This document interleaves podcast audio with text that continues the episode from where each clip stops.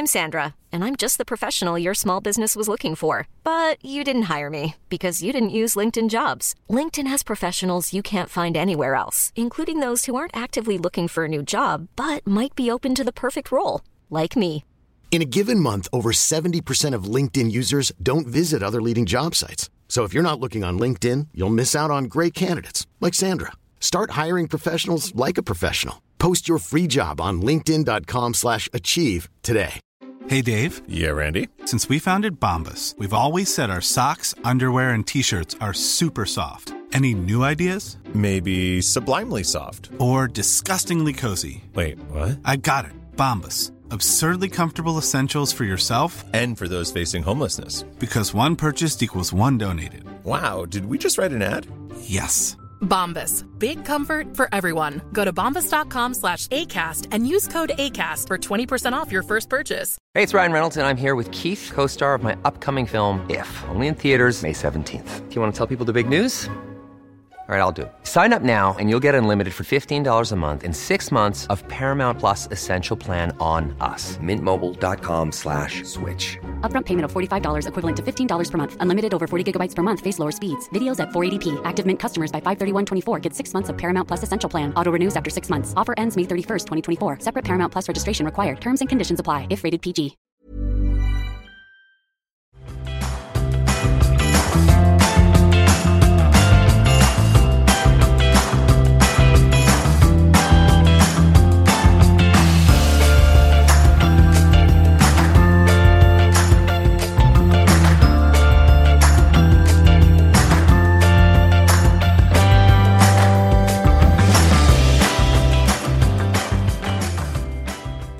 Då kör vi. Det var ju dags för avsnitt ett på Börsmagget, eller Börsmagasinet som vi även kallas. Förra veckan körde vi en pilot, även kallat betatest i techvärlden. Det gick väl helt okej. Fått en del feedback, både positiv och negativ. Vi väljer givetvis att fokusera på den positiva. Men eh, fortsätt med negativa feedbacken med. Vi lever för våra haters, så vi tar det därifrån. Den här veckan är fullspäckad. Vi tänkte börja precis som senast med lite newsflow och lite snabba case. För att därefter följa upp, precis som utlovat, med mer djupdykning på drillers, närmare bestämt oil drillers och ännu mer närmare bestämt jackups. Det kommer i slutet av avsnittet. Men vi börjar med en introduktion där vi dels kör en recap på caset vi drog förra veckan. Necka, där det har varit en hel del news, vilket har drivit kursen något, vilket innebär att vårt första case ligger åtminstone positivt till jämfört med börsutvecklingen. Men vi tänkte även hoppa över lite mer generella newsflow kring eh, IPO-rykten, eh, liknande och en snabbare genomgång på temat buyouts. Vi diskuterade ju förra veckan Pagero som är på väg ut från börsen, men var även under veckan som har gått sett att Kindred är på väg ut. De har fått ett bud från eh, det före detta franska monopolet, eller kanske nuvarande franska monopolet närmare bestämt. Det är väl kanske inte den roligaste och sexigaste ägaren jag själv skulle vilja ha om jag satt som anställd på Kindred. Men Det känns ju som att Kindred kanske skulle behöva en annan ägare än, eh, än en fransk statligt ägd eh, monopolist liksom. Det, det är väl inte riktigt eh, där man känner att det kommer gå in och skäras utan det är väl, ja, Kindred känns ju lite som ett sjunkande skepp. Ja, fördelen är väl lite att det kan vara tråkigt ibland om man har suttit på ett case länge och väntat på att potentialen ska realiseras. Typ ta Mr Green som vi satt i för en herrans massa år sedan. Där man ändå såg att potentialen fanns och där det kom in en duktig ägare som dessutom hade möjlighet att realisera den potentialen. Fördelen i ägget eller Kindred är ju någonstans att här kommer det komma in en lika dålig ägare. Så även i privat miljö eller i den nya konstellationen så kommer ägarna ha en lika tråkig resa. Så det var kul. Man, det är alltid gott att man inte behöver stå avundsjuk sjukt att eh, titta på vid sidan om utan det kan misären kan säkert fortsätta. Det, nej men det, är ju, det känns ju som att man har gett upp lite grann.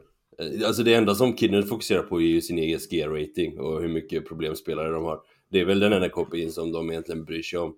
Där, alltså de skickar ju separata PM för vad liksom problemspelarna är. Det är ju inte, jag vet inte, det är inte direkt Pontus, Pontus Lindvall recipe of success som vi ser liksom. Nej, och det är väl moraliskt och etiskt så är det väl inte klandervärt. Men om man sitter som ägare i den sektorn så kanske man har sett förbi lite det moraliska och etiska och kanske fokuserar på avkastning. Så jag förstår. Ja. Det ska bli intressant att se hur de kommer agera i sin nya ägarkonstellation. Men en första bit var väl att de skulle ta sig ur alla gråmarknader och det kommer väl antagligen slå rätt hårt på marginalen tämligen omgående och dessutom realisera den typen av... Dels när man har kommunicerat att man ändå någonstans, det är en del av equity storyn, när man, man vill ut dem lite, ur de sämre, lite, lite sämre marknaderna. Så kommer ju det troligen inte leda till en premiumvärdering direkt på det som finns kvar där. Jag vet inte. Alltså, alltså jag vet inte vem som är aktieägare. Alltså, vem vill vara aktieägare bredvid staten i FD, FDG? Det, det är inte... Alltså det är gamla lotterimonopol det här. Liksom. Det är inte det är liksom inte cutting, cutting edge liksom, utan man, man, man, man håller sig nog gärna till andra ställen i, i sektorn. Ja, det finns nog inga risker att de återupptar USA-äventyret i falsk gissa, utan de fokuserar nog på de lite mer välpenetrerade mm. europeiska marknaderna. Men ja. fördelen för leverantörer typ som Evo är att kanske du har en ännu mindre sofistikerad motpart så att du kan förhandla upp kontakten. Vem vet, mm. kanske är bra för Evo long term. Ska mm, vi... Jag tror inte, um, tror inte Evo ger direkt då. Nej, de ger nog inga discounts där inte. Det... Nej, men jag tänker att vi kanske kan ha lite pricing premium mot fransmännen, vem vet? Ja, kanske, vem vet. Ah, såg du att det är Atens flygplats ska till börsen eller? Med tanke på statsägda bolag. Mm, jag har missat det, men mm. eh, spontant ingenting jag är jättesugen på att teckna mig men å andra sidan flygplatsaktierna eh, har väl gått där relativt bra de senaste åren. Alltså flygplatser är ju, ja. Om man kollar strukturellt på branschen så har du egentligen 4% i ökning i, eh, i, i flygtrafik varje år. Och ja, flygplatser, de har ju lokala monopol, så, så du måste ju använda dem, vilket gör att det är ju hyfsade businessar som man kan levera upp ganska bra. Men Staten här tror jag skulle sälja 30% i stek, jag tror jag sitter med 55% totalt och jag tittar på en IPO i, i februari nu då. Så det, man, kan ju, man kan ju kolla på det. det, det finns ju andra flygplatser som är noterade, jag tror Sydneys uh, flygplats är, är noterad också. Um, Köpenhamn med. Mm, det är möjligt. Ja. I alla fall, mer på IPO-spåret så såg att forumet Reddit skulle göra IPO. Uh, och det är väl, uh, får vi se om de, uh, om de spinner vidare på GameStonk GameStop-håsen. Men det var ju egentligen där som hela, hela den historien utspelade sig, så eh, cirkeln är sluten. Um, sen såg jag också lite, eller jag hörde lite surr om att Lassila och Tikanoja, ett bolag i Finland som gör ja, waste management, aktierna har kommit ner ganska mycket och det börjar surras om att den så kallade facility service businessen som man har ska kanske ska spinnas av eller göras någonting med. Och bolaget handlas väl till en ja, tio gånger earnings ungefär. Jag tror inte aktien har reagerat någonting på det här. Um, men det borde finnas uh, ja, 50-80% i uppsida om man, uh, om man lyckas göra sig av med den här uh, sämre businessen och hur man sen värderas i, i linje med, med konkurrenterna. Um, så om någon känner för att titta lite djupare på det så, så hade det kunnat, kunnat vara någonting. Men, men du har kollat lite grann på mjukvarubolag. Jag tror att... Eh, exakt. exakt, så skulle du kunna... Vad har du för något? Jag gjorde en snabb eh, screening lite på temat att man har plockat ut, eller håller på att plocka ut Pagero, håller på att plocka ut hantverksdata. Man plockar även ut eh, det här edtech-bolaget i Oslo som jag glömt namnet på. Men, Kahoot. Eh, Kahoot, precis. Men det är en hel del aktivitet där uppenbarligen. Och jag tror när man ska gå till en investeringskommitté i dagens miljö och makromiljö så är det väl säkert lättare att få traction för ett lågt värderat mjukvarubolag än att komma in med liksom ett cykliskt byggbolag eller liknande. Ett cykliskt byggbolag kanske flyger i Aratos investeringskommitté men svårt att se att det flyger hos de mer sofistikerade internationella fonderna. Så jag gjorde en snabb check som brasklapp och det finns väl några namn där ute som säkerligen kan vara intressanta som take up targets. Och eh, det ena är Adnode som är lite större men ändå har exponering mot byggmarknaden och tillverkningsindustrin. De har haft vissa operationella problem det senaste har kommit ner hyfsat rejält. De huvudsak ägda av institutioner. Jag tror vdn sitter på typ 5% av aktierna så har de ingen blocking position. Men utöver det så är det mer institutionellt kapital som snarare kan tänka, mig, kan tänka sig en påse pengar och springa vidare på nästa case. Som sagt finns en viss sektorpress givet att man exponerar mot BIG. Bolaget handlas i dagsläget till 10-12 gånger ebitda. Hyfsat lågt gearat. Man har en gång ebitda i skuld. Så jag tror den typen av bolag skulle säkert kunna packa på en 3-4x ebitda till på skuldsidan. Så mer eller mindre skulle kunna ja, få en hyfsad premium och eh, finansiera hela den premiumen och lasta på mer skuld i bolaget. Och det är en sektor där det finns fortsatt möjlighet att göra konsolidering. Visst, Adnode är ja, tämligen, kanske inte globala kanske man ska säga, men de är i alla fall internationella i sin verksamhet. Så de har en bra footprint i Norden och Sverige, men det finns nog mycket att göra globalt. Och jag tror du får bra mycket mer betalt för den här typen av plattformar om du har global coverage och har en produktportfölj som är lika gångbar i Norden som i USA, som i Australien, som i Japan. Så jag, gjorde väl ett man... större förvärv eh, borta i USA för, ett, eh, för något år sedan eller sådär. Precis, ambitionen finns ju där och ibland då jag tror det kan räcka med att bolaget har visat på en traction att det finns en möjlighet att göra saker utomlands för att väcka aptiten bland diverse buyout-firmor. Men vem vet, jag tror det kan vara en kandidat helt klart. Och aktien ner hyfsat senaste ja, året. De hade väl en ganska stor vinstvarning där. Det, det var väl vissa eh, eh, det var väl någon av deras större eh, samarbetspartners eller kunder i USA som ändrade vissa delar av sin, eh, sin operation så, och att det föll efter det. Eh, Exakt. Så de är ju, ja, historiskt har de handlats liksom på någonstans 120-130 SEK och nu är de ju nere på 80-85 spänn. Och som sagt, värderingen i sig ser inte jätteutmanande ut för att vara ett primärt mjukvarubolag. Man handlas ett år framåt, 12 gånger ebitda. Du har eh, haft historiskt tämligen stark tillväxt. Eh, marginalen har varit lite so and so. Men eh, det kan ju å andra sidan vara en potential. Om man tar ut i privatmiljö kan man städa upp lite, omstrukturera och kanske kamma ut lite mer kraft ur verksamheten. Nej, det är ju en serieförvärvare med 5-6% organisk tillväxt eh, över tid som du troligtvis kan göra en hyfsad buy and build om du är en P-investerare. Så det köper det. Eh, något annat då? Ja, men jag tror lite på samma tema. Ett bolag som kanske hade mått bra av att städas upp i privat miljö efter en hyfsat galen förvärvsresa. Och då tänker jag på Sinch. Eh, bolaget har ju ett gäng stora ägare i termer av grundare och management som sitter på en eh, blocking stake. Men jag kan tänka mig att de kanske är lite trötta på att verka i publikmiljö. De har sett både fördelarna och nackdelarna med det. Jag tror att de skulle säkert kunna tänka sig att plockas ut av en duktig sponsor som eh, har det här privat i 35 år, städar upp det och sätter det på börsen igen när värderingsklimatet är mer aptitligt.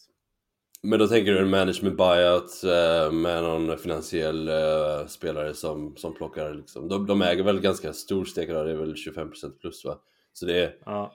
Eh, om, om de ska, om de tar en del pengar själva, kanske äger 50% och så plockar de in en finansiell spelare som, som plockar de ytterligare 50% här.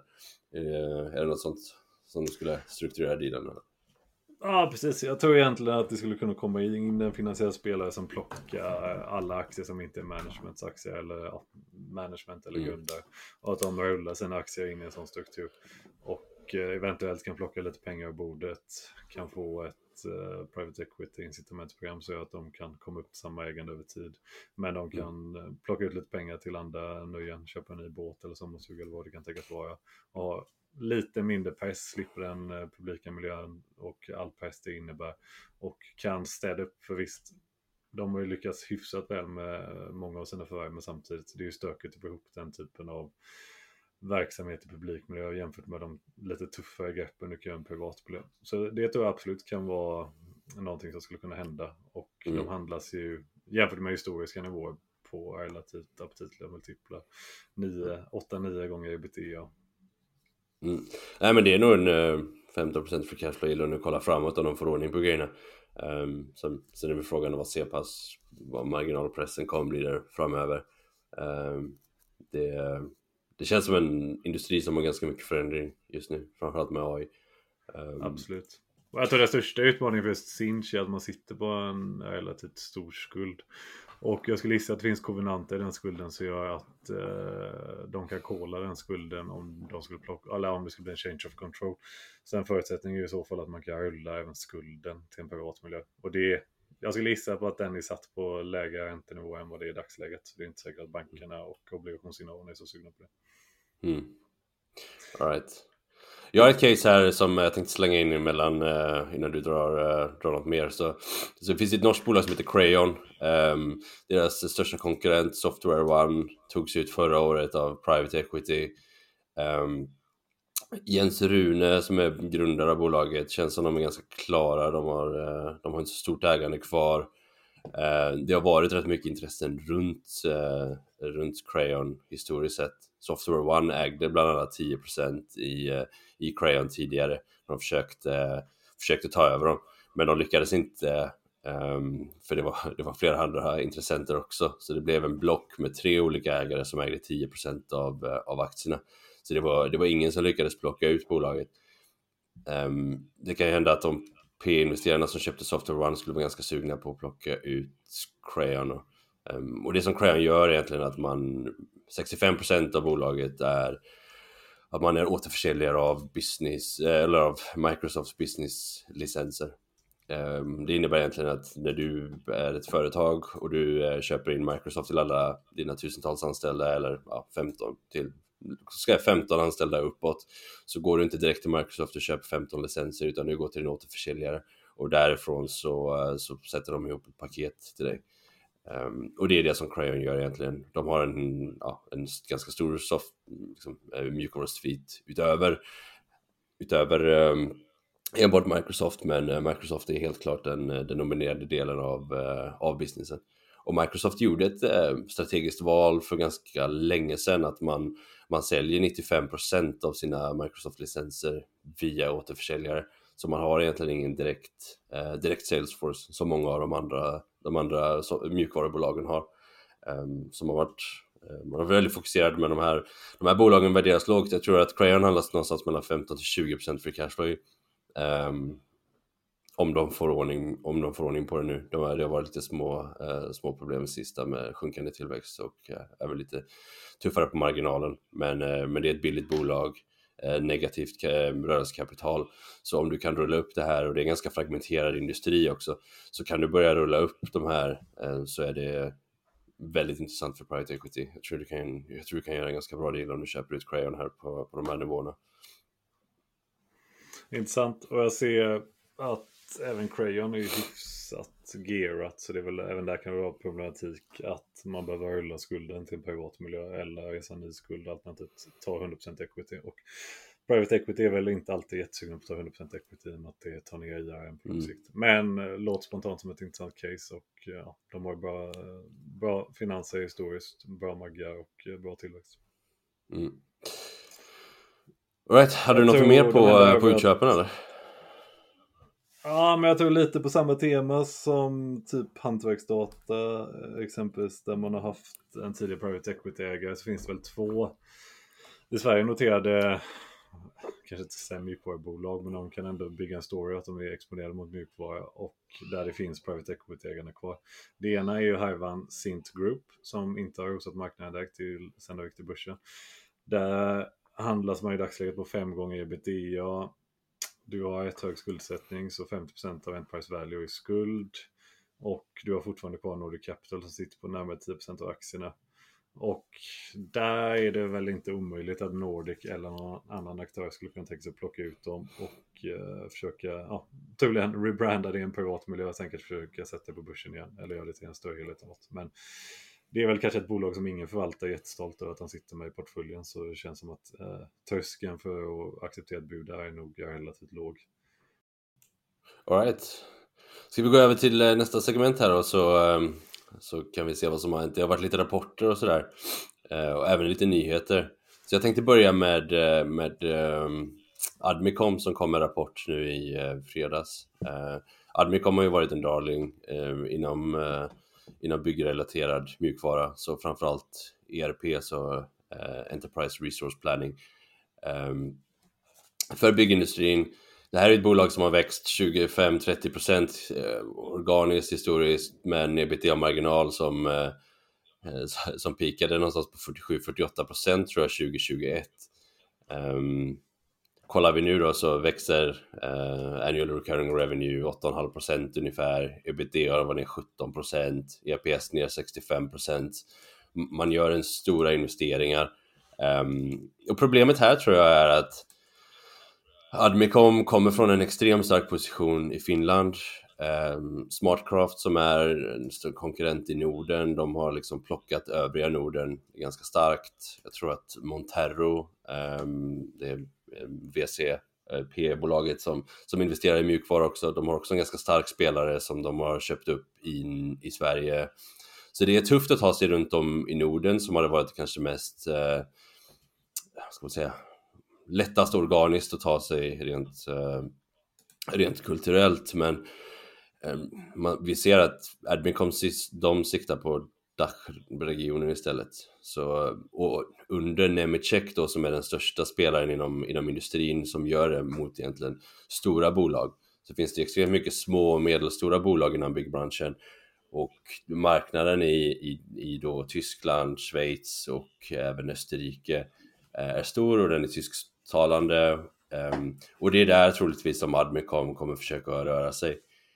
Men, men, problematiken här blir ju att du kommer ta en extremt stor risk när du går från du går från en marknad där du har varit väldigt dominerande, eh, alltså return on investor capital troligtvis 70-80% i det här företaget, det är nästan oändligt. Ehm, de har haft free cash flow marginaler som har legat på 40% och samtidigt växt snabbt. Ehm, och då ska du ta, du ska bygga en helt ny organisation i ett nytt land eller göra ett förvärv.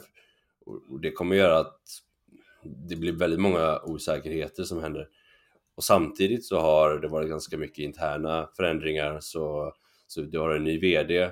VDn kom från Nixu som är ett, en mjukvarukonsult i Finland. Och under tiden som han var VD så gjorde de eh, ett, ett stort antal förvärv men allting gick snett. Och när Admi kom för honom, eller tog in honom som VD så sa de att ja, men han har troligtvis lärt sig eftersom han har gjort så mycket fel förut. Um, så vi får se. Jag, jag, jag har också hört att um, Admicom hade en väldigt, uh, de hade extremt bra säljare. Och de här säljarna som, uh, som jobbade för bolaget när det växte som snabbast, de stoppade in alla sina pengar i aktier. Och sen så gick ju aktien upp 15 gånger eller liknande. Och de dumpade sina aktier och stack. Så man var tvungen att bygga om hela eh, försäljningsteamet. Och det är någonting som har pågått de senaste två åren. Och, och det enda vi ser i tillväxten är egentligen att den går ner.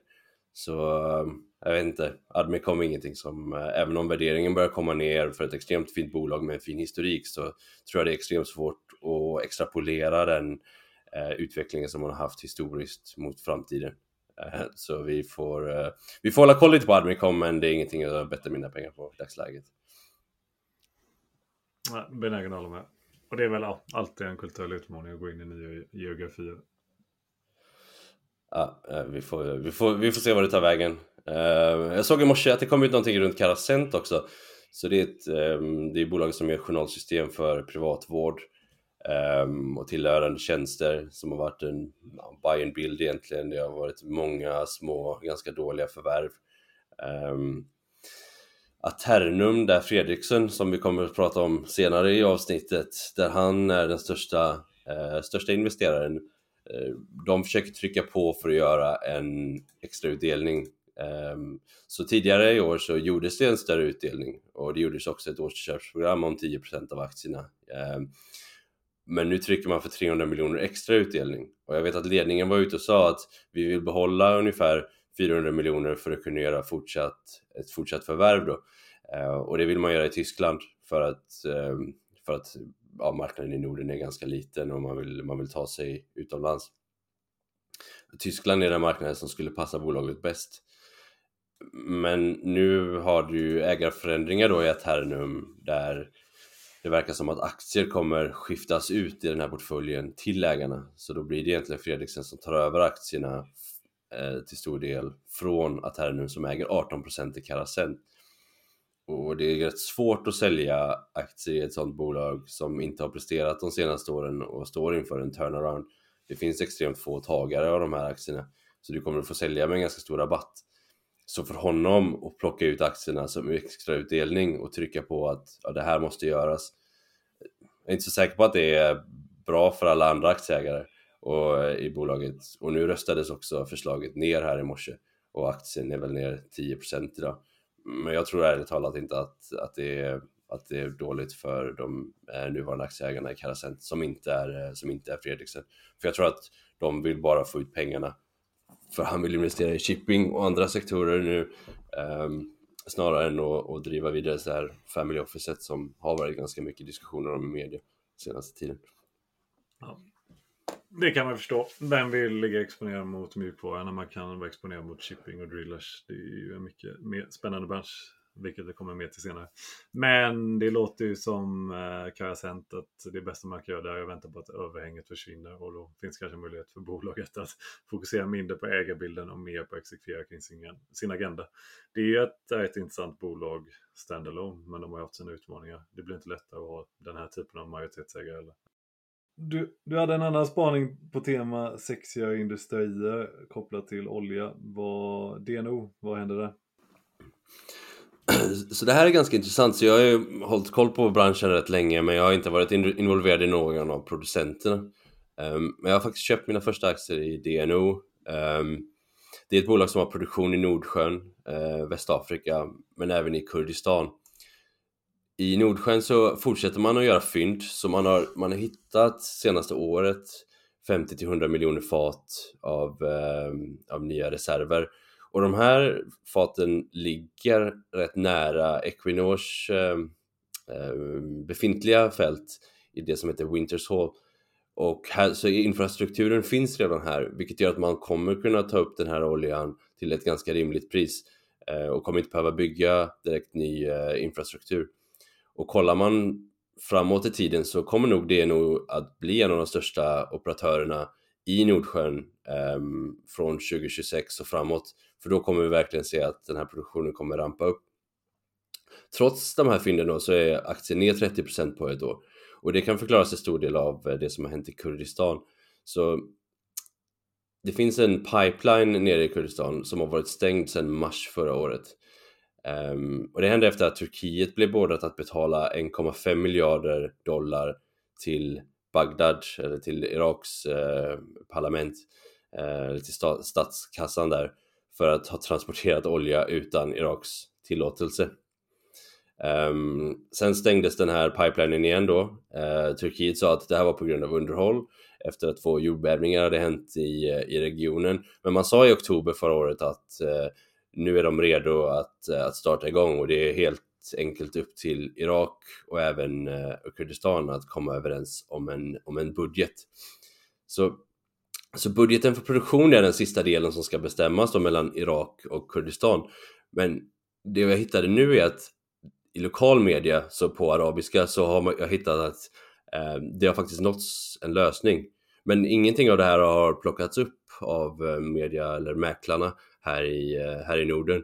Så, och det, det här gör ganska stor skillnad för idag så kan man inte frakta oljan via pipelines utan man säljer, egentligen, man säljer istället oljan till 50% rabatt mot eh, Brentpriset då, så det är ungefär 35 dollar fatet. Eh, men vid en öppning av den här pipelinen då kommer man kunna börja plocka marknadspriser ehm, och även kunna öka produktionen och göra det väldigt lönsamt. Så om det här skulle hända då, Eh, då går aktien direkt till en 40-45% free cash flow yield. Eh, man har net cash på balansräkningen, så inga skulder och därutöver så finns det en extra kicker så Kurdiska oljeföreningen är, består av sex spelare um, och de är skyldiga över en miljard USD och det ska komma från den kurdiska regeringen.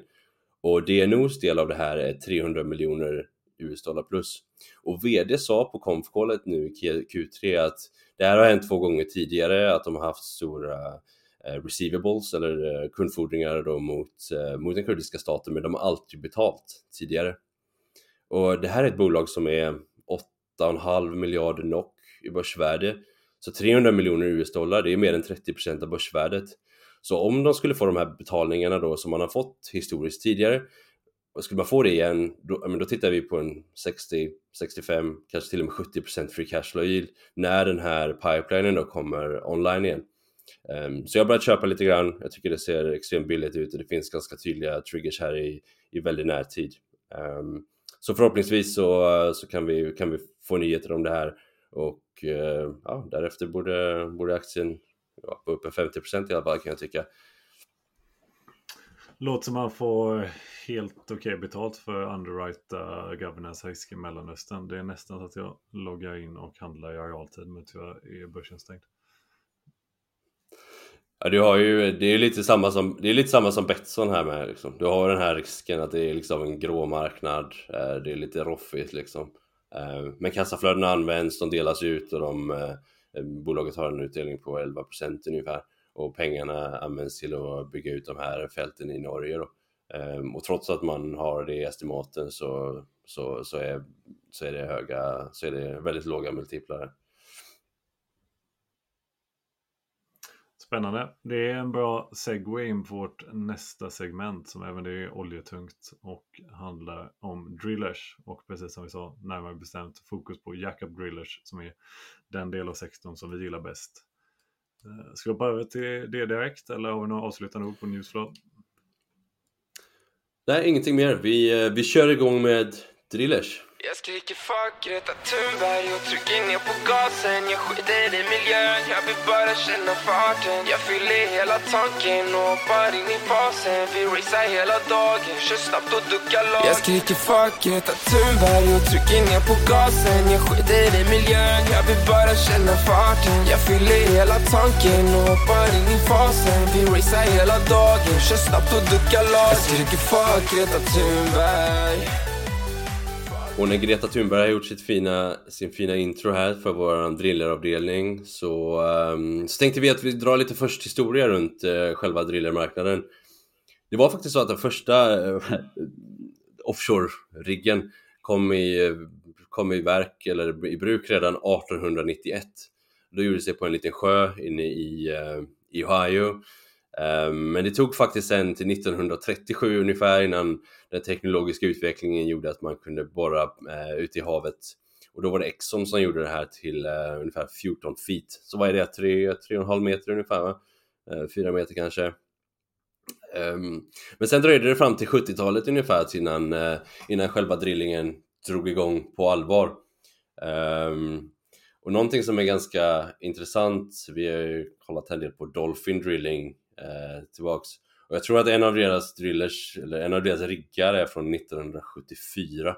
Men man har byggt om den. Så du, ja, du fattar ungefär hur, hur moderna de här, eh, vissa av de här riggarna är då, som, som fortfarande finns kvar i, i marknaden. Ska vi, Men om vi ska se... gå in på äh... riggarna specifikt bara, det är typ så att man snackar oljecase med folk så först var det mycket snack om peak oil och även nu för tiden är det mycket diskussioner om eh, att det är liksom en sunset asset, att olja har ingen eh, funktion i den framtida ekonomin. Men bara liksom som en passus till det så kan man väl kolla på exempelvis kolmarknaden som känns väsenfrämmande för en svensk eller en skandinav åtminstone. Men den marknaden växer ju och eh, volymmässigt är ju på all time high i dagsläget, vilket känns, eh, ja, det är en tämligen smutsig tillgång i relation till olja. Så man kan ju med hyfsad komfort säga att oljemarknaden och oljedemand visst är cykliskt men det lär ju fortsätta tugga på rätt bra åtminstone de närmsta 20 åren. Och vi har även sett det nu i relation till stökigheterna i mindre, eller vad man kan kalla skurkstater som sitter på en stor del av oljan. Vi har ju stökat till det i marknaden och vi i västvärlden har gjort oss själva lite otjänsten att genom att inte finansiera oljeutvinning i vår egna backyard så går mycket av de kassaflödena till eh, arabländer där demokrati och mänskliga rättigheter kanske är mindre värt, även när Ryssland och dylika länder står för en stor del av produktionen. Och man ser väl nu generellt i sektorn att investeringsviljan globalt ökar, men man ser även det i vår närmiljö där det talas mer och mer i både Norge med visserligen blandade reaktioner men även i UK att man kanske måste starta exploreringsarbete över tid där för att säkert, säkerställa och trygga vårt energibehov över tid och att man ska ha det nära hemma så man kan kontrollera resurserna på ett annat sätt. Och, Nej väl, men det är väl så att eh, den norska, norska socialistregeringen kommer väl försvinna här någon gång och du kommer liksom i UK har man ju redan sett att det har blivit en viss mer investeringsvilja eller politiska vindar mot att utfärda nya oljelicenser. Um, men det känns ju som att i Norge verkar det som att regeringen kommer att försvinna när det blir ett val uh, på grund av alla, alla problem som skapats. Uh, jag menar, norska kronan är i botten. Du har ett land som inte har en statsskuld sitter på den största förmögenheten någonsin. Jag menar, oljefonden äger väl 2% av alla aktier globalt eller något liknande. Det är ju helt absurt. Och mm, du har en valuta som typ presterar sämre än Sverige. Exakt. Och, så det är den ena negativa man brukar föra och den känner man ju att man kan vara hyfsat bekväm med åtminstone på medellång sikt. Och det andra negativa man ofta får höra är just kring excess supply i shale eh, och fracking i USA. Och där har man ju sett, eh, jag tror vi var inne på det i förra avsnittet också, men det finns en helt annan disciplin bland de producenterna i dagsläget. Man är mycket mer fokuserad på att eh, skapa avkastning för aktieägarna. Och visst, vi har sett viss tillväxt i senaste, men det är inte i närheten av så som det var i den senaste frackingboomen, där man egentligen prioriterade tillväxt över allt annat. Här finns det tydligt en koppling till avkastning på investerat kapital nu, vilket gör att den tillväxten hålls tillbaka något. Och den är ju inte oändlig, vilket gör att det finns fortfarande som vi ser ett starkt case för eh, olja primärt, men kanske ännu mer specifikt eh, jackup drillers och vi kommer in lite på vilken funktion de fyller i oljeservicebranschen. Mm. Nej, du, um, det, um, det är intressant. Du har, ju, du har ju två delar egentligen av, uh, av drillers då, så det som kallas för floaters, um, eller så kallade deepwater, um, eller semi-submersibles. Så du har drillships på ena sidan och du har semi-submersibles på andra sidan. Båda de här används egentligen till uh, någonstans mellan 300 till 4000 meters uh, djup. Um, skillnaden här egentligen är att ja, drill, drillships är lättare att flytta runt. Så de har sin egen motor. Du behöver liksom inte ha skepp runt omkring som bärgar dem runt till de olika delarna. Och eftersom att många av de här platserna där man eh, Eh, borrar efter olja som är ganska djupt ligger långt ifrån, eh, ligger långt ifrån kustlinjerna så blir det att det blir mer effektivt att ha drillships. Och det ser man också i den genomsnittliga åldern. Så nu kollar på semi submersible så är den genomsnittliga åldern på de riggarna 22 år. Men för drillships är det enbart 10. Så många, väldigt stor del av den flottan byggdes då i förra boomen som var någonstans mellan ja, 2010 till 2014. Um, ehm, tittar vi just på utbudet i världen då så har vi 192 floaters. Um, under piken 2015 så var det faktiskt mer än 300 riggar och sedan dess då så har 140 riggar ungefär lämnat marknaden. Så de har antingen skrotats um, eller uh, ja, det är väl egentligen det som har hänt med dem. Man, man tar stålet, uh, skrotar grejerna och uh, säljer det för, för så kallat scrap value. Um, redan nu då så ser man att eh, uh, drillships är absolut den tajtaste marknaden. Uh, så ungefär 91% är utnyttjat. Uh, de största spelarna här då som du har det är Valaris, Seadrill och Transocean. Um, och um, de flesta har faktiskt gått i konkurs de senaste åren. Och det, det gjorde att det togs många riggar från marknaden. På andra sidan så har vi jackups. Det är faktiskt riggar där man, ja, man stoppar ner benen på riggarna till botten um, av havsdjupet och därefter så borrar man, um, borrar man ner. Eh, en eh, stor skillnad mellan det här då, uh, det är att uh, jackups, de är, de är faktiskt break-even uh, ganska mycket tidigare. Så om du kollar i Mellanöstern till exempel så är en jackup break-even redan vid 30-35 dollar fatet. Medan 50% av världens eh, drillers, eller för drillships, de är inte ens ekonomiskt gångbara vid 60. Um, ehm, så du har en ganska stor skillnad i var break-even ligger. Och det är därför vi tror att uh, jackups är mer av en infrastrukturtillgång som du kan sätta i vattnet. Och det är därför vi också ser att kontrakten på jackups är mycket längre. För att du kan planera på ett helt annat sätt. Uh, för du vet att din break-even är betydligt lägre. Um, inom Deepwater mm. och det kan så, man väl... så har du kortare kontrakt. Och en stor skillnad är såklart att eh, day rates är betydligt högre i drillships och eh, deepwater-riggar. Eh, I dagsläget så är väl jackups någonstans kring 160 000 dollar per dag i leading day rates medans de större, eller djupvattensriggarna och båtarna ligger väl snarare uppemot en halv miljon dollar per dag. Vilket gör att unit economics blir sämre på låga priser. Så det måste ju upp till en viss nivå för att kunna få avkastning på de källorna. Och en annan karaktäristika som är lite kopplat till de längre avtalen som du nämnde är ju att Vi ser många eh, deepwater-riggar och drillship som har eh, glapp mellan kontakten. Där du har kanske, du använder riggen i sex månader. Sen bokar du ett ny, nytt kontrakt som börjar tre månader senare. Så då står det ju med fixed cost absorption men inga intäkter. Medan jackups typiskt sett, det vi har sett i sektorn är att de flesta har back-to-back kontrakt och eh, tjänar pengar under hela året.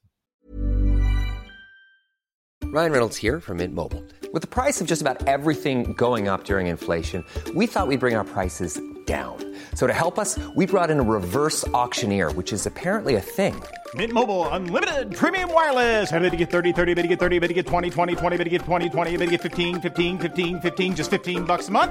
So, Give it a try at mintmobile.com/switch. slash $45 up front for 3 months plus taxes and fees. Promo rate for new customers for limited time. Unlimited more than 40 gigabytes per month slows. Full terms at mintmobile.com. I'm Sandra, and I'm just the professional your small business was looking for. But you didn't hire me because you didn't use LinkedIn jobs. LinkedIn has professionals you can't find anywhere else, including those who aren't actively looking for a new job but might be open to the perfect role, like me. In a given month, over 70% of LinkedIn users don't visit other leading job sites. So if you're not looking on LinkedIn, you'll miss out on great candidates like Sandra. Start hiring professionals like a professional. Post your free job on linkedin.com slash achieve today. Mm. Nej, det, det finns eh, 480 riggar för jackups i världen men du har ungefär 200 för, eh, för deepwater. Um, ehm, och det, det är klart att det, det, är en mindre procedur att sätta in en jackup än vad det är för deepwater. Sen producerar ju deepwater mer än vad en jackup gör också. Så då är inte äpplen mot äpplen här liksom. Um, men um, det är en stor del av flottan som är, som är ganska, ganska gammal. Och ehm, när, när riggarna är gamla så ofta så handlar det om att de är 20-30 år gamla så är de inte riktigt lika produktiva och de kan inte göra alla projekten. Vilket gör att när du tittar på riggar så får du egentligen titta på de moderna riggarna och de gamla riggarna. Det är egentligen två olika marknader. För om du tittar på den moderna delen av jackups så, så har du ungefär 300 riggar där. Um, ehm, men raterna som kunderna är villiga att betala är 160-170 000 och där har du spelare som Borr då som, som, är, eh, som är tydligast ledare för deras riggar är nya. Men sen har du också spelare som Shelf Drilling som också är noterat i Norge. De har två delar då, så de har en ganska gammal flotta och sen har de en del som är en nyare flotta. Men de har ju många riggar som är 40 år gamla. Men de står ju tycker jag på 55, 60, 70 000 dollar i Indien till exempel. Men här snackar vi riggar som inte har någon AC, står i varma klimat, alltså det är horribelt att jobba på de här riggarna. Alltså allting, de står ju och rostar sönder egentligen. Men Shelf som bolag är extremt duktiga på att svettas varenda litet öre av kassaflöde ut genom de här riggarna då. Um, och säg att du har skrivit av en rigg till noll, att du tänker att ah, den här riggen kommer aldrig mer producera något kassaflöde. Och så får du en bra marknad och så kan den här riggen då stå kvar från att ja, men vi skulle ha skrotat den men nu kan istället för att den skulle dött vid 44 års ålder, ja men nu kan vi köra den på 45 års ålder. Men allting är redan avskrivet. Och det gör ganska stor skillnad för din, eh, för din värdering för du kan, du kan suga ut en hel del kassaflöde ute under de senare, senare åren där. Och där har Shelf varit eh, väldigt duktiga och du, du ser ju också att aktiepriset är uppe 6-7 gånger troligtvis sen, eh, sen botten. Då. Och där har du även en annan... just mellan de äldre och nya äggen. Alltså, de nya är såklart mer effektiva så det blir billigare för kunden att plocka upp olja och du kan få ut mer av dina reserver. Men det är också i miljöhänseende bättre med nya ägg. Så att även om olja kanske inte är det mest miljövänliga alternativet i världen så är det mer eh, miljöeffektivt att plocka upp det med nya ägg för att ha bättre kapacitetsutnyttjande och mer. De kräver mindre energiinput för att plocka ut oljan ur eh, havsskorpan kan man säga. Mm. Och en annan stor skillnad mellan eh, djup, djupvatten och även eh, jackups är vilka kunderna är. Så, så tittar du då var djupt för de djupa vatten eller oljekällorna finns så är det mycket i, um, liksom i, i Nord, Nordsjön. Och, och, där har du ju inte så mycket statsägda bolag utan du har ju Shell och BP, eh, Equinor eh, och så vidare. Medan jackups håller till mycket i Mellanöstern, Sydostasien, eh, Mexikanska golfen till exempel. Um, så, så, där har du mycket av de här, um, nationella oljebolagen. Så du pratar om Pemex, du pratar om Aramco, eh, Adnoc eh, till exempel, som vi kommer komma in mer på senare. Men, men där har du en, när du har ett nationellt oljebolag som kund så ska du också veta att varje gång du har ett sådant bolag så är det integrerat i eh, det, det, är integrerat i statsbudgeten. Så, så när, ett bolag, när ett land som Mexiko lägger sin budget så vet de att okej, okay, så här mycket pengar kommer vi få in från oljan nästa år. Eller man planlägger det. Och sen så lägger man produktionen efter. Eh, och de slutar egentligen inte utan um, beroende på om oljan går upp 5 eller 10 dollar utan de, de är mycket mer pris och känsliga och de kan skriva, de har ofta kontrakt som, som rullar över. Um, det gör att du har en mycket mer du har en stabil, mer stabil efterfrågan av olja i den här delen av, eh, av kostkurvan. Um, och det, det, ser vi ju på, dels på break-even men också i hur, eh, hur de här eh, kunderna då har, framförallt under covid, hur man, eh, hur man jobbade. För tittar du på djup, djupvatten då, så Seadrill gick i konkurs, Valaris gick i konkurs redan 2017 för de tog extremt mycket, eller Seadrill gick i konkurs redan 2017 ursäkta. Um, och det är för att man tog extremt mycket skuld och bara gjorde utdelningar och sen så vek marknaden. Valaris gick i konkurs 2020, Noble gick i konkurs 2020, um, ehm, Diamond Offshore gick i konkurs, Dolphin Drilling gick i konkurs. Alla Deepwater gick i konkurs, men det var ingen av Jackup som gick i konkurs. Så Shelf klarade sig, Borr klarade sig, um, och det är egentligen de stora spelarna. Och sen har du spelare som Adnoc och Ades och så vidare, men de har ju statlig, eh, statlig backning, så, så de, de, de går inte i konkurs egentligen. Um, men Jackups klarade sig, uh, Deepwater gjorde det inte. Um, och uh, jag tror att vi kommer se stora skillnader på det här de kommande åren, framförallt om vi har ett oljepris som studsar här någonstans mellan 60 till, 80, till eh, 60 till 100 dollar. Um, för du kommer fortsätta, du kommer kunna planera för jackups. Men en spelare som funderar på att göra någonting djupt ut i vattnet där break-even är 60, kommer du göra det när oljan är 70? Kanske inte. Du kanske gör det när oljan är 100-110, men du gör det kanske inte när det är 60-70, utan du väntar. Um, och det gör att, uh, det gör att jackups kommer fortsätta och du såg också att antalet jackup-riggar gick inte ner så mycket under covid som det gjorde för, eh, för Deepwater, där det egentligen gick rakt ner. Um, och det var egentligen covid som sparkade in tänderna på alla spelarna. Du, du, du såg ju helt enkelt, alltså det var ju ett batteri av spelare som gick i konkurs um, under covid. Um, och det, det, var ju extremt problematiskt i sektorn. Ja, exakt, och man ser ju aptiten i Mellanöstern på Jacob Briggs är ju uh, stor och den verkar fortsätta vara så. Den verkar till och med vara så pass stor att man inte kan fylla sina tenders. Det var väl och det förra året eh, Aramco hade ut ett stort tender för typ 15-20 jackups. Men i vanliga fall brukar alla vara head over heels och försöka hoppa in i den typen av tendersituationer. Men nu lyckas de inte ens fylla upp orderboken på grund av att folk prioriterade andra ställen och var inte villiga att eh, dansa efter Aramcos pipa på samma sätt.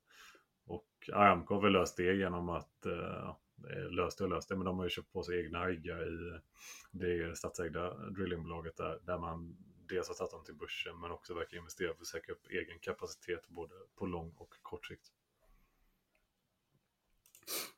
Ja exakt. Så, ehm, så du har egentligen i Mellanöstern så har du två stycken eh, statsägda bolag. Så Adnoc, eh, ett av dem till exempel, Adnoc är Abu Dhabis National Oil Company. De har 124 riggar. Ehm, 35 av de här är på jackups och 79 på land. Ehm, det som är intressant är att på enbart ett par år här och så har antalet riggar växt från 25 till 35 som de, som de äger. Och deras strategi är att producera 5 miljoner fat olja om dagen eh, till 2030. Och någonting som är intressant med Adnoc är att om man kollar deras prospekt så ser man att bolaget är garanterat en 11-13% IRR från Adnoc. Så Adnoc Drilling blir garanterade av Adnoc Group eh, en 11-13% IRR. Vilket gör att om du betalar 300 miljoner dollar för en ny rigg, ja, då vet du att du kommer få en eh, 11-13% avkastning. Betalar du 200 miljoner dollar, då får du fortfarande en 11-13% avkastning. Så de har egentligen inget incitament att betala så lågt som möjligt för, eh, för priserna. Det, det, spelar ingen roll för, för Och sen är man också garanterad att om, även om inte riggen används, så kommer Adnoc Group betalar då 95% av dayrates eh, vid tiden av den här eh, inaktiviteten. Så, så man, ja, man vill ha riggarna nära sig och man vill inte ha några gap i produktionen. Um, och sen har vi Ades då som nyligen kom till börsen 2023 och det är Saudi Aramcos riggbolag. Där har vi 49 jackups och 38 eh, riggar. År 2017 så hade man 14 riggar och det har växt till 49 nu. Så man har gjort extrema investeringar eh, i Aramco och det, det är därför jackups växer så mycket snabbare än vad de andra delarna gör. Är för att mycket av olje, eh, oljan i Mellanöstern eh, som är på land har blivit mer och ja, den är inte lika produktiv som den varit tidigare och nu flyttar man offshore. Eh, och, och, det gör att eh, ja, offshore, antalet offshore-riggar växer. Och jag tror att det här gör att Borr är ett extremt eh, takeover target, eller att eh, de skulle kunna bli uppköpta. Så antingen från Adnok eller från Ades. Jag tror det finns extremt stora möjligheter att, eh, att det kommer komma bud vid någon, vid någon tillfälle. Um, men jag vill diskutera lite grann runt, eh, runt eh, Deepwater också. Vet du vem som är, vet du vem som är Seadrills starka man? Fredriksen. Han älskar det. Exakt. Och vet du vem som var Fredriksens högra hand under uh, en lång tid? Kommer inte på det just nu. Uh, kan ju enlighten me. Okej, okay. så, så Seadrill um, Borr Drillings ordförande Tor Olof Tröim, han var Seadrills, eller eh, John Fredriksens högra hand under lång tid i Seadrill. Och eh, Ehm, det är också så vi kommer komma in i, in i Borr sen. Men jag tänkte dra lite runt, eh, runt Swedrill. Ehm, problematiken vid förra boomen i sektorn var att ungefär 2011 till 2014 så var det en boom. Ehm, det kom extremt mycket nya riggar, antalet riggar pikade ovanför 300 eh, i marknaden. Och Seadrill växte väldigt starkt, men man började sen att få problem. Man gjorde ganska mycket utdelningar, man betalade inte ner på skulden och sen vek marknaden. Så under 2013, 2024 så gav man ut skuld inte mindre än sex gånger. Men en sista gången så misslyckades man eh, och eh, då fick man dra utdelningen.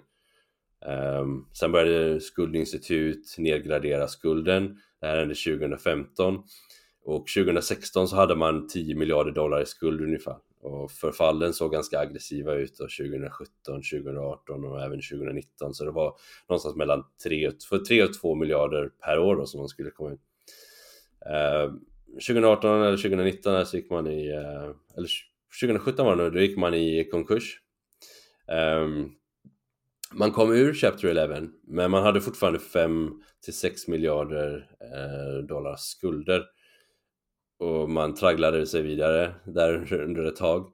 Men under 2020 så avnoterades man um, ehm, man hade varit på pink sheets ett tag.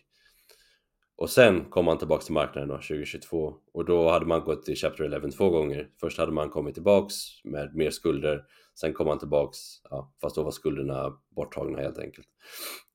Um, man sålde av en hel del riggar under den här tiden, Eh, framförallt då till eh, Ades som är Saudi Aramcos eh, bolag, sålde man en del jackups till dem.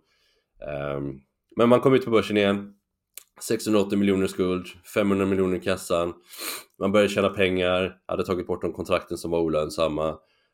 Um, sen dess har man köpt tillbaka ungefär 8% av aktierna tror jag. David Einhorn har också sagt öppet att han har investerat i bolaget. Um, tittar vi på bolaget idag så har man ungefär 12 Eh, drillships, två semisubs och en jackup. Så frågan är vad den där jackupen gör där egentligen men, eh, men eh, det det är en harsh environment som, som sitter uppe i, i Nordsjön. Um, så nu får vi se. Um, har presterat hyfsat bra de senaste åren. Jag har sett många som har varit intresserade av bolaget. Um, du har ju du har ren balansräkning och alla kassaflöden går till att ge tillbaka pengar till aktieägarna. Det kommer ske antingen genom återköp eller, eller utdelning här. Um, mm. Och det är det, bara vad som är intressant i den perioden att det det låter ju som en tämligen oansvarig resa och vi är kanske inte dividendinvesterare primärt. Men det som var intressant för Seadrill under den perioden man var så pass aggressiv och delade ut så mycket pengar till ägarna var att man handlades ju typ på en dividend yield värdering då snarare än en multipel eller en avvärdering som man typ sett, sett på bolagen i den här sektorn. Och handlades med tämligen generös premium mot resten av sektorn och outperformade rejält från financial crisis när man det var ju strax innan finanskrisen som man deklarerade dividend första gången. Och under hela den perioden fram till egentligen att man fick ställa in utdelningen så handlades man med ett substantiellt premium mot sektorn i sin helhet. Och vi ser väl lite samma tema eventuellt spela ut sig i Borr. Vi kommer mer till det senare. Mm. Nej, man hade ju utdelningar hela tiden men sen så gjorde man ju det för länge. Och man betalade aldrig tillbaka några av sina skulder. Eh, vilket gjorde att man gick i konkurs mycket tidigare än vad alla andra. Um, Sen kom ju resten av sektorn när covid hände. Så Valaris, eh, som idag är världens största driller. Man har 11 drillships, 5 semi-submersibles. Sen har man några harsh environment och ultra harsh environment. De som heter harsh och ultra harsh, de används mestadels i Nordsjön. Eh, de används egentligen ingen annanstans. Så, så du, du ställer ofta inte ner dem i andra regioner. Mm, vilket gör att det blir det är svårt att ha sådana här riggar för du kan egentligen inte flytta dem så mycket. Um, om du sitter med vanliga jackups så, så kan du flytta dem mellan Mellanöstern eller Sydostasien eller, eller Latinamerika. Um, lite på det. Uh, kollar man på Valaris jackup-riggar så är de 15 år gamla i genomsnitt om man jämför det med, eh, med Borr som är 6 år ungefär. Och sen har Valaris har ett jätteproblem med att man, man sitter fast med alla sina jackup-riggar i, i ett joint venture tillsammans med eh, Saudi Aramco som heter Aro Drilling. Um, du har egentligen bara en kund, vilket är Saudi Aramco, men du har en ägare av riggarna som är två. Och då är det Saudi Aramco har alla incitament för att trycka ner rate så mycket som möjligt och Valaris har incitamenten att trycka upp rate så mycket som möjligt. Um, och det här skapar jätteproblem. Eh, det här har ju inte fungerat och bolaget tjänar ju egentligen lite pengar trots vad som händer med marknaden. Borra har ju presterat så mycket bättre de senaste två åren än vad, än vad Aro har gjort. Och det låter som att det kommer ske en spin-off här snarare än, eh, snarare än något annat. För jag tror att båda parter har insett att eh, det inte är en hållbar lösning och, och eh, köra det här med JV. Uh, incitamenten ligger inte, ligger inte där. Um, ja, det är inte helt främmande. Har... Nej, men jag tänker det är nog inte helt främmande att Ades skulle kunna plocka ut uh, de äggarna och sätta dem på egen balansräkning heller kan man tänka sig. Nej, det finns ingen anledning egentligen att inte göra det. Du tror att, eh, alltså Valaris har ju en eh, ren balansräkning, man, gör ju också återköp av aktier. Um, få ut mer pengar från, eh, från ett jackup JV ja, och kan göra mer återköp. Um, man har ju också aktieägare som är fonder som har varit investerade sedan uh, bolaget gick i konkurs. Så de gick ju in och plockade mycket av skulden och sen fick de equity. Så de vill egentligen bli av med sina aktier så, så man skulle kunna göra en swap. Det finns, jag tror det finns 8-12%, jag minns inte exakt, eh, av Valaris aktieägare som är, eh, eh som är eh, som är distressed investerare som någon gång, någon gång kommer, vilja, kommer vilja lämna aktie, aktieägarlistan. Fortsättningsvis har vi ett bolag till som är eh, Transocean. Det är också en av de stora giganterna i eh, Deepwater. Det här är ett bolag som ehm, enbart har deepwater-riggar. De har 37 stycken idag. Men till skillnad mot Seadrill och, eh, och även Valaris så har man ganska många cold-stackade riggar. Ehm, och det som händer när en rigg är cold stack är att om du inte vet att du kommer ha ett kontrakt de kommande, eh, låt oss säga månaderna, men du tror att du kommer kunna sätta tillbaka riggen i marknaden, då gör du någonting som heter warm stacking. Det innebär egentligen att eh, du eh, du låter eh, riggen köra på som vanligt, eller du ställer den i hamnen, men du har på den, du har en, eh, en crew som går runt där och fixar och ser till så att allting fungerar så att eh, all, ja, så att all infrastruktur på riggen fungerar som den ska. Och när det väl är dags att gå ut och arbeta igen så, så tar det inte så lång tid att åter och aktivera den. Problemet är när du gör någonting som är cold stacking, det är att då sätter du upp Typ, eh, elektrisk eh, vad säger man, barbed wire eh, taggtråd runt om så att inte folk ska komma in och plundra grejerna. Ja, du kanske har en snubbe som går dit och spolar toaletterna en gång i veckan men det är ungefär så mycket man, man gör. Så man stänger av den och man låter, man låter riggen stå och rosta i havet. Och när en rigg har varit borta från marknaden under, eh, under 3, 4, 5 år, eh, jag menar en jackup kostar säkert 40-50 miljoner dollar att stoppa tillbaks i marknaden från att ha varit cold stacked.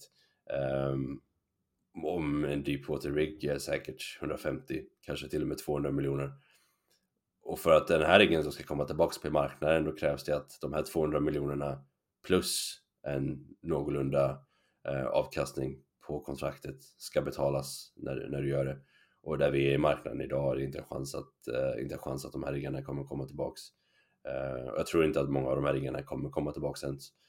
Um, och Transocean har redan gjort en jätteresa i hur man har förändrat eh, riggkompositionen. Så sen 2014 har man gjort sig av med 77 riggar. Och man har ju varit i konstanta finansiella problem. Och man har fortfarande en extremt stor eh, nettoskuld. Så att Transocean är nog det bolaget som hoppades att de skulle gå till konkurs nästan. För de, de hade velat vara i en sån position som Valaris eller Seadrill nu. Men, eh, men man får fortsätta jobba och förhoppningsvis kanske man, man får ordning på det. Men eh, viker cykeln en gång till så kan det nog bli ganska tufft. Vet du ungefär vart de 77 äggarna har tagit vägen eller är det mycket scrapyards eller vad, vem har varit tagit? Ganska många har eh, scrappats men det har också sålts en hel del. Så eh, Borr har köpt ju till exempel ett eh, gäng riggar från, eh, från Transocean. Jag tror att de köpt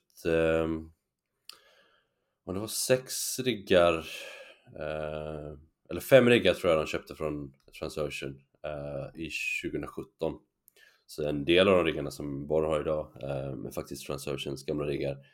Och eh, om du tänker på att Borr inte har några gamla riggar egentligen så, så beställde ju Transocean extremt mycket riggar 2012, 13, 14 kom till marknaden på toppen av marknaden. Och sen så vek allting. Och sen kunde Borr köpa dem 2017 Ehm, och det var egentligen inte så som Borr, som Borr kom, kom till.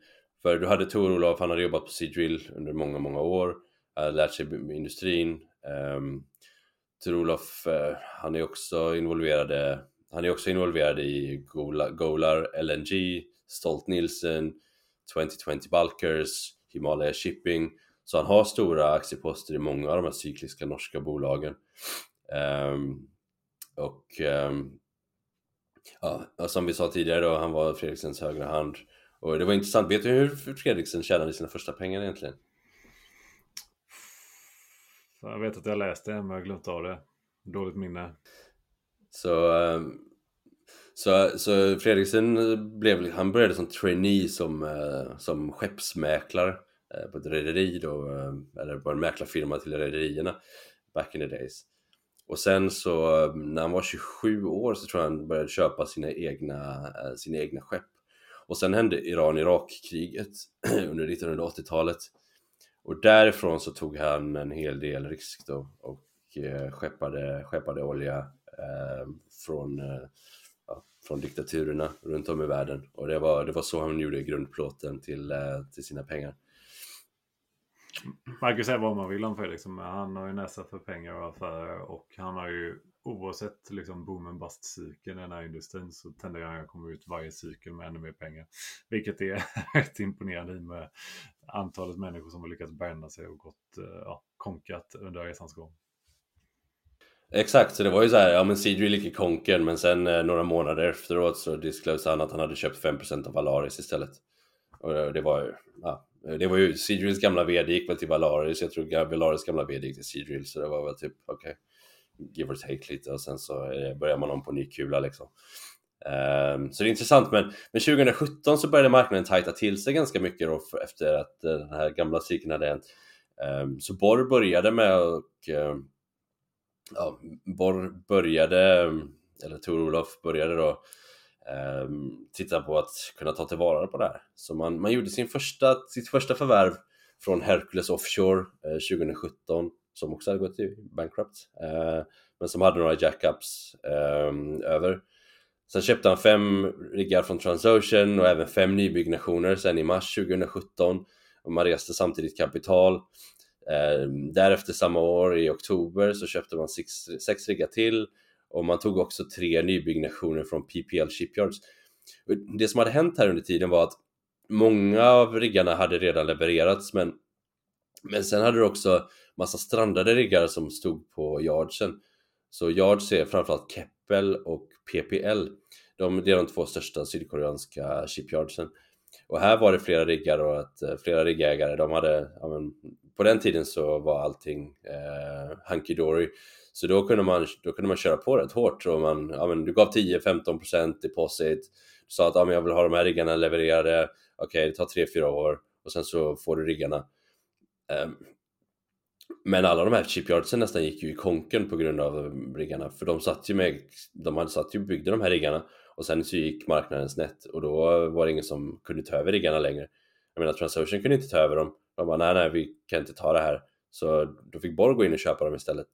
Så Borg gjorde ganska bra deals med shipyardsen här då i, eh, under 2017-2018. Um, ehm, där man gick in och sa att okej, okay, vi garanterar att vi kommer plocka ut de här riggarna till er, ni kommer få ta en lite av en haircut, men vi kommer köpa dem till eh, så att ni får tillbaks, eh, ni får tillbaks era pengar helt enkelt. Um, och sen i mars 2018 så köpte man 23 riggar från Paragon faktiskt. Men man sålde 16 av dem ganska snabbt för att eh, man ville egentligen bara ha de här eh, sjuriggarna då, som var, eh, som var högre kvalitet och så krängde man av det, den andra delen. Um, och sen gjorde man dealen med Keppel eh, sen i 2018. Och då var marknaden nästan slutsåld eh, 2019-2020. Man såg att dayrates började komma upp. Men sen hände covid och um, ja, allting över natt egentligen um, gick ju snett. Det var negativa oljepriser och vi såg, eh, ja, vi såg många i sektorn gå i konkurs. Shelf, Borr och Transocean var egentligen de som klarade sig. Resten, eh, resten gick under. Um, men sen dess, så de senaste ett och ett halvt åren, så har vi sett dayrates gå från 80 till 160-170 idag. Um, och vi tror att det kommer fortsätta. Så om vi tittar här då, så om vi tittar på förra cykeln så var genomsnittliga dayrates var 243 eh, 1000 per dag. Tittar vi framåt, så om du inflationsjusterar det, så har vi 300-320. Jag tror det är ganska stor sannolikhet att vi kommer se de här eh, ratesen hyfsat snart. Marknaden är 95% slutsåld. Um, vi är fortfarande på leading edge day rates. Um, ehm, makron är bäsig, men ja, vi, vi ser att ekonomin taktar fortfarande på okej. Okay. Um, oljan är fortfarande runt 75. Och det behövs inte så mycket mer för jackups. Och vi ser nu att nya kontrakt börjar rulla över till bättre och bättre, bättre och bättre rater. Um, och jag tror att det här kan, um, ja, det finns egentligen inga riggar på andra sidan. Det finns inte så mycket mer på, på utbudet kvar. Vi har åtta riggar kvar i världen som är jackups som inte är tagna. 20 nu inkluderar de coldstackade. Men många av dem kommer inte komma. Flera av dem är under kines flagga, de kommer aldrig komma ut i marknaden. Så, så marknaden är egentligen slutsåld. Och jag tror att vi kommer börja se en panik snart där um, ja, vi kommer se raterna öka ganska snabbt. Kollar man på tidigare cykler så är det precis vid den här nivån när raterna börjar öka. Och alla mäklarna som följer sektorn, de sitter ju med ja, men 170k nu, det har gått från 80 på ett och ett halvt år men ja, för framtiden så sitter vi kvar på 170. Jag tror att, jag tror att raterna kan gå till 250, 300, kanske 350. Och har vi 350 då, då gör Burr 2,5 miljard i dollar i free cash flow. Då är, då är bara en 68-10x kanske. Och man kan väl ändå säga att Borg är ju prisledare, eller de har någonstans varit bäst på att ha prisdisciplin i hela sektorn. Uh, typ sett varje gång de pushar ratesen höger så är det Borg Drilling som gör det. Och det är väl säkert eh, mångt och mycket drivet av Tor Olof och hans uh, sektorerfarenhet och det faktum att han eh, värderar leverage mot cykeln snarare än långsiktig säkerhet. Många konkurrenter sitter ju fast i längre kontrakt till lägre day rates och det är väl bra om man vill kunna betala sina räntebetalningar men det är mindre bra om man vill kunna rida cykeln och som du nämner, tar man sig upp mot 2,5 miljard i free cash flow så printar du nästan hela enterprise value på ett år i free cash flow. Så du behöver bara ett antal bra år här för att du ska kunna göra en extremt aggressiv avkastning på eh, kassaflödesbasis och kunna dela ut det till ägarna. Och när man dessutom har ställt upp balansräkningen som bara har gjort framgångsrikt de senaste åren. Det var ju det som var det största eh, problemet kan man säga 2020 fram till 2022. Där man hade en hel del skuldförfall nu i närtid som började falla 23, 24, 25.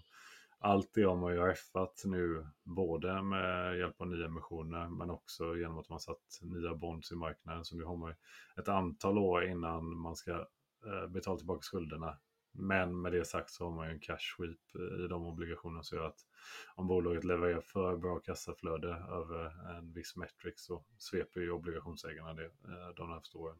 Men det finns fortfarande stort utrymme för eh, dividend till ägarna både kort och lång sikt.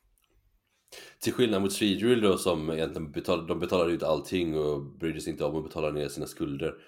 Och sen gick ju bolaget i konken så har ju Borg i obligationerna att de ska betala ner eh, det är väl ungefär 100 miljoner dollar per år, att det är vad som ska amorteras på bondsen.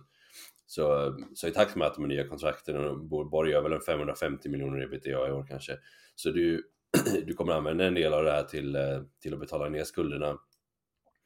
Um, men det kommer också göras utdelning och man har också uh, annonserat buyback om 100 miljoner dollar. Så du börjar se capital, capital returns, men, men grejen är med den här industrin att du vill ju inte sitta du vill inte sitta kvar i investeringen när raterna börjar gå ner. Det är det absolut sista du vill göra.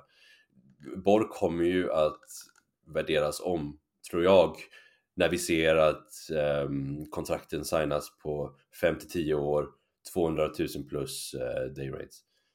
Då kommer, då kommer hela sektorn att värderas om och då tror jag det kommer göras en stor skillnad mellan Borr och de övriga. För för varför ska du värdera en deepwater som har en högre cyklikalitet, eh, högre, högre exponering mot oljepriset eh, och även kortare kontrakt? Varför ska de värderas på samma värdering? Det, det makes inte sens någonstans. Utan du vill ju ha, du vill ju ha jackups, du har en lägre, lägre kostnad eh, för att göra break-even, du har längre kontrakt och jag tror att eh, jag tror vi kommer se det här nu de kommande åren. Eh, och jag tror att 2024 blir det året när, eh, när rates kommer börja klättra ordentligt. Sen är det klart att om marknaden eh, spårar på uppsidan så kommer alla tjäna extremt mycket pengar. Men jag, men jag håller mina bett på, på båda här och jag äger inget annat i sektorn. Nej, och jag tror en intressant katalysator, vi har sett en del konsolidering med mer på ryggbasis att eh, det har konsoliderats på den nivån. Men det som är intressant är att nu både Adnoc och Ades noterade. Och jag vet inte om vi nämnde det innan, men de handlas till en rätt rejäl premium jämfört med vad de andra bolagen gör. De handlas ju på både NAV och multipelbaser typ 150-200% upp jämfört med exempelvis Board Drilling. Så för dem att betala upp rejält för att plocka ett bolag som Board Drilling eller en konkurrent, det är ju, ja, den affären är väldigt lätt att räkna hem och make sense både för eh, köparen och säljaren trots om du smackar på en 100% premium. Borg värderas väl på fyra gånger ebitda och eh, sen har vi typ Ades och Adnoc på 12 och 14 eller något liknande. Och som dessutom så, ja. har en strategisk rational där som du nämnde att det är en del av statsbudgeten någonstans att de måste dels eh, plocka upp olja i marken för att täcka statsfinanserna men de har dessutom både Saudiarabien och eh, Abu Dhabi har ju långsiktiga mål på att öka sin produktion med en relativt stark faktor och för att kunna göra det så behöver de ju ha offshore drillers för att ta sig dit. Ja men så är det, så är det och eh, jag tror att eh, 2024 kommer bli året när vi ser att det, det förändras. Men, men, du vill inte sitta här med det här när, när raterna börjar gå ner utan när du ser rater som handlar runt 300-320 då och folk börjar titta på utdelningen och säga att ja ah, men titta hur mycket utdelning som kommer kunna genereras de kommande 5-10 åren. Då tror jag det är dags att, att börja, börja röra sig mot eh, dörren um, och hitta nästa industri. För jag tror att då har, nog, då har du nog en 4-5x mer på aktiepriset mot idag. Men, eh, men där uppe så kom ihåg, det är en cyklisk industri. Det är liksom tre bolag som inte har gått i konkurs de senaste åren. Nu händer ju corona då på toppen av, eh, på toppen av en, eh, en lång björnmarknad i industrin. Men, ehm, ja, men var, var aktsamma. Det som är supportande är ju att det inte finns någon orderbok egentligen. Det finns ju inga nya riggar som kommer till marknaden. Eh, Aru Drilling till exempel, eller Valaris tillsammans med Aramco kommer ta en del till marknaden. Eh, men de kommer börja komma 2026, men det handlar om några få riggar. Eh, så mot det totala eh, globala utbudet så, så spelar det inte så stor roll. Bra grejer. Och vi har ju varit eh, ägare i Bordrilling eh, ja, rätt länge. Sen typ covid lows. Det var ju lite mer utmanande att äga de här aktierna då än vad det är nu. Och även om man är ja, 500-600% upp så känns det som det finns fortfarande väldigt mycket att hämta. Och speciellt i och med att man ser tendenser på prisdisciplin eh, och eh, konsolidering så blir det mer istället för ja, det känns som det är mindre nyanser av boom and bust kortcykliskt och mer mot någon form av införd tillgång som är behövs för de stora nationella oljebolagen för att kunna dels balansera statsbudgeterna men dessutom få upp oljan i marken. Och jag tror förhoppningsvis så är det dit investerarna kommer komma också, att man kommer värdera det här mer på yield snarare än på NAV eller multipla. Och kollar du på yield metrics så handlas Borg exempelvis på relativt konservativa estimat någonstans kring 20% dividend yield på 2026. Och det man har sett historiskt är att eh, i den här delen av cykeln så kollar investerare två till tre år framåt när de gör sin värdering. Så det finns rätt mycket uppsida att hämta.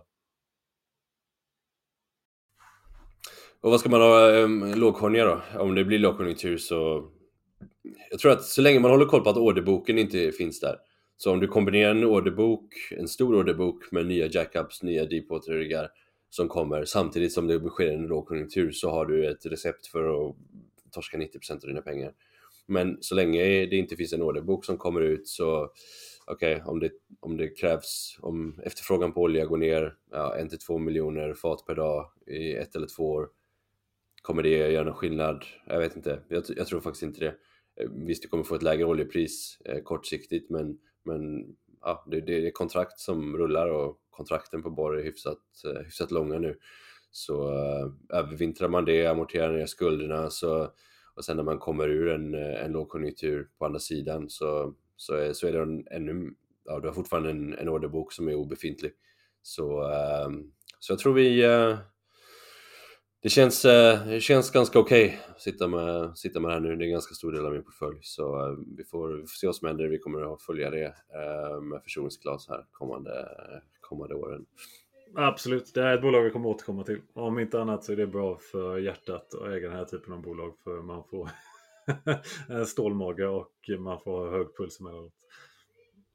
Ja, det är bra. Kanon! Och eh, ja, det är slutet på dagens avsnitt. Eh, vill ni komma i kontakt med oss så kan ni e-maila till eh, uh, börsmagasinet gmail.com och kom ihåg att ingenting ska ses som rådgivning eller rekommendation och gör en egen analys innan ni tar eventuella beslut om att investera. Vad äger du någonting idag i uh, som vi har pratat om? Jag äger Borr Drilling. Sen har jag även en liten minipost i Dolphin Drilling bara för att ha lite extra krydda i livet. Min portfölj har lite väl låg risk så man får ju spicea till det. Uh, annars tror jag inte jag har någonting som vi snackar om. Kanon, jag sitter med Borr och uh, även DNO efter, uh, efter nu senaste tiden. Jag har tagit en liten, liten position. Jag kanske, kanske köper DNO när marknaden öppnar imorgon, vem vet? ja, får se, får se. Alright, men då kommer avsnittet vara ute så vi får, uh, vi får se. Oavsett, full disclosure. Okej, okay, kanon. Tack för att ni har lyssnat och ha det så gott. Ha det gott. Hej, hej.